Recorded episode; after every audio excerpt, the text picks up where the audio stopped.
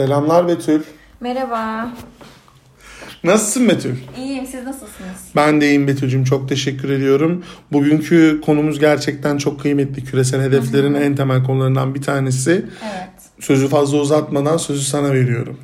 Tamamdır. Teşekkür ederim. Ee, öncelikle iklim eylemi nedir? Bu amacımız neyi ifade eder? Neyi kapsar? Biraz bundan bahsedelim. Ee, Birleşmiş Milletler iklim değişikliğine kalkınmaya karşı en büyük tehdit olarak ilan ederken Dünya Ekonomik Forumu da bunu dünyamız için ciddi bir varoluşsal risk olarak tanımlamaktadır.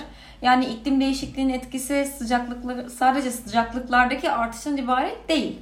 Ee, kuraklar, seller, kasırgalar gibi aşırı hava olaylarının sıklığı ve etkisindeki artış, okyanus ve deniz suyu seviyelerindeki yükselme, okyanusların asit oranları artışı, buzulların erimesi gibi etkenlerde yani bitkilerde, hayvanlarda, ekosistemlerdeki yanı sıra bunların yanı sıra insan topluluklarını da ciddi ciddi bir şekilde risk altına alıyor. Yani fark ettiyseniz şu an sadece insanlar veya hayvanlar veya bitkilerden bahsetmiyoruz.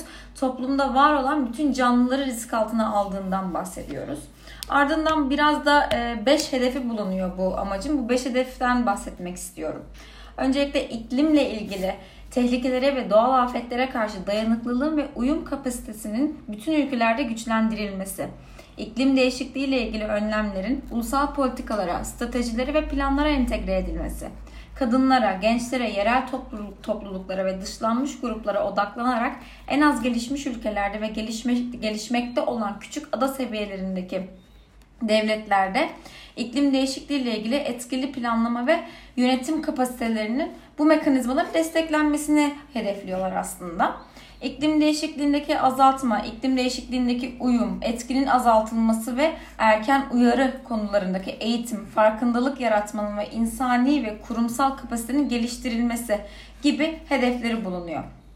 Yani baktığımız zaman her hedefte her hedefte olduğu gibi dışlanmış gruplara veya dezavantajlı grupları da ele alıyor bu hedef. Ee, yani onlar daha çok etkilendikleri için belki de değil mi? Yani tamam hiçbirimiz selef, e, felakete veya kasırga yani bu tarz iklim olaylarına alışık değiliz. Fakat yine de en çok etkilenen gruplar dezavantajlı gruplar oluyor. Siz neler düşünüyorsunuz? Açıkçası ben şunu e, bahsetmek istiyorum. İklim eylemi öyle bir sorun ki toplumsal cinsiyet gibi hı hı. ortak kesen bir sorun. Yani sadece bugün e, yoksul kesimleri evet yoksul kesimler ciddi anlamda etkilenecek olup yoksul kesimlerin dışında bugün Batı dünyasını da önemli bir ölçüde etkileyecek bir sorun. Bu kapsamda e, Türkiye'nin de imzacısı olduğu birçok e, uluslararası anlaşma var ve bunların uyulması ile ilgili de ciddi bir e, toplumsal taban söz konusu. Türkiye'de ana akım siyasi e, tartışmaların dışında birçok farklı kesimin üzerinde uzlaştığı konulardan bir tanesi de bu iklime karşı hassasiyet ve farkındalık. Fakat ne yazık ki karar alıcılarımız bu konuyla ilgili e, atılması gereken adımlar noktasında çok e, yavaş kalıyorlar. Bu yüzden bu uluslararası örneklerden konuşulurken umuyorum ki bu tartışmalara biz de katkı koymuş oluruz. Bunun yanı sıra iklim eğer eylemini başaramazsak ne olacak? Su sıkıntılarıyla karşılaşıyor olacağız. Gıda problemleriyle karşılaşıyor olacağız. Ve yavaş yavaş bunlarla karşılaşmaya başladık. Bugün Konya'da obruklar oluştu. Hı hı. Ee, ciddi anlamda e, tarımsal arazi ile ilgili gıda üretme potansiyeli her geçen gün düşüyor. Ben Birleşik Devletler Boston'dan bir örnek vermek istiyorum. Boston'da yeşil yollar ve yeşil bağlantılar isimli yürüme ve bisiklet kullanan e, kullanıcıları için e, yollar arasındaki boşlukları doldurarak patikalar, e, yaya geçitleri ya da az trafikli caddelerin olduğu bağlantılarla yolları birleştiren ve diğer park alanlarını ve daha büyük mesire alanlarını birleştiren ve e, şey kent içerisinde bir nevi küçük orman alanları yaratan, bu orman alanlarını da bir şekilde diğer park alanlarına entegre eden ve bunu işte site üzerinden e, devam ettiren, siteyle beraber her geçen gün güçlendiren. Tabi burada esas amaç e, çocuk arabalı kişiler ve tekerlekli sandalyeli kişilerin veya diğer kırılgan grupları da kapsayabilecek bir şekilde doğaya erişim e, hatlarını güçlendirmek ve herkesin mümkün olabildiğince iklim içeri iklimden kaynaklı hakkı olan bu süreci güçlendirebilmek gerekiyor. Çünkü böylece de e, kent içerisindeki karbon salınımının azaltılmasına yönelik bir işlem yapmış oluyorsunuz. Hem bu tarz alanları koruyarak eşitsizliği aslında bir nevi azaltıyorsunuz. Çünkü ne yazık ki doğaya erişim bir nevi artık e, özel yapım konutlarda bir nevi ayrıca fiyatlandırılır. Ve doğaya doğanın içerisinde olduğu için ayrıca bir lüks e, süreç içerisinde değerlendiriliyor. Bugün doğanın içerisinde olmak e, aslında herkesin hakkı.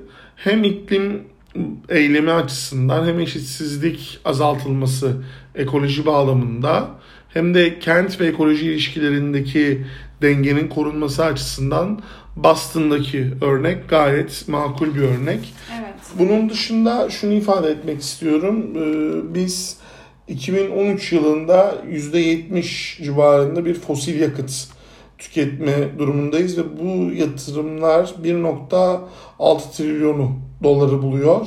Eğer önümüzdeki 15 yıl içerisinde biz 6 milyar dolar tutarında bir yatırım yapamazsak dünya olarak e, önümüzdeki 15 sene sonrasında 360 milyar dolarlık iklim değişikliğine uyum kapasitesini sağlayamadığımız için sorun yaşıyor olacağız. Bu sorunları yaşayan dünyadaki 100 kenti listelemişler. Bunlardan bir tanesi en başında ne yazık ki İstanbul yer alıyor. Ee, beşinci sırada da ne yazık ki yine İzmir yer alıyor. Yani evet dünyanın en hızlı büyüyen kentlerinden birinde yaşıyoruz İzmir'de.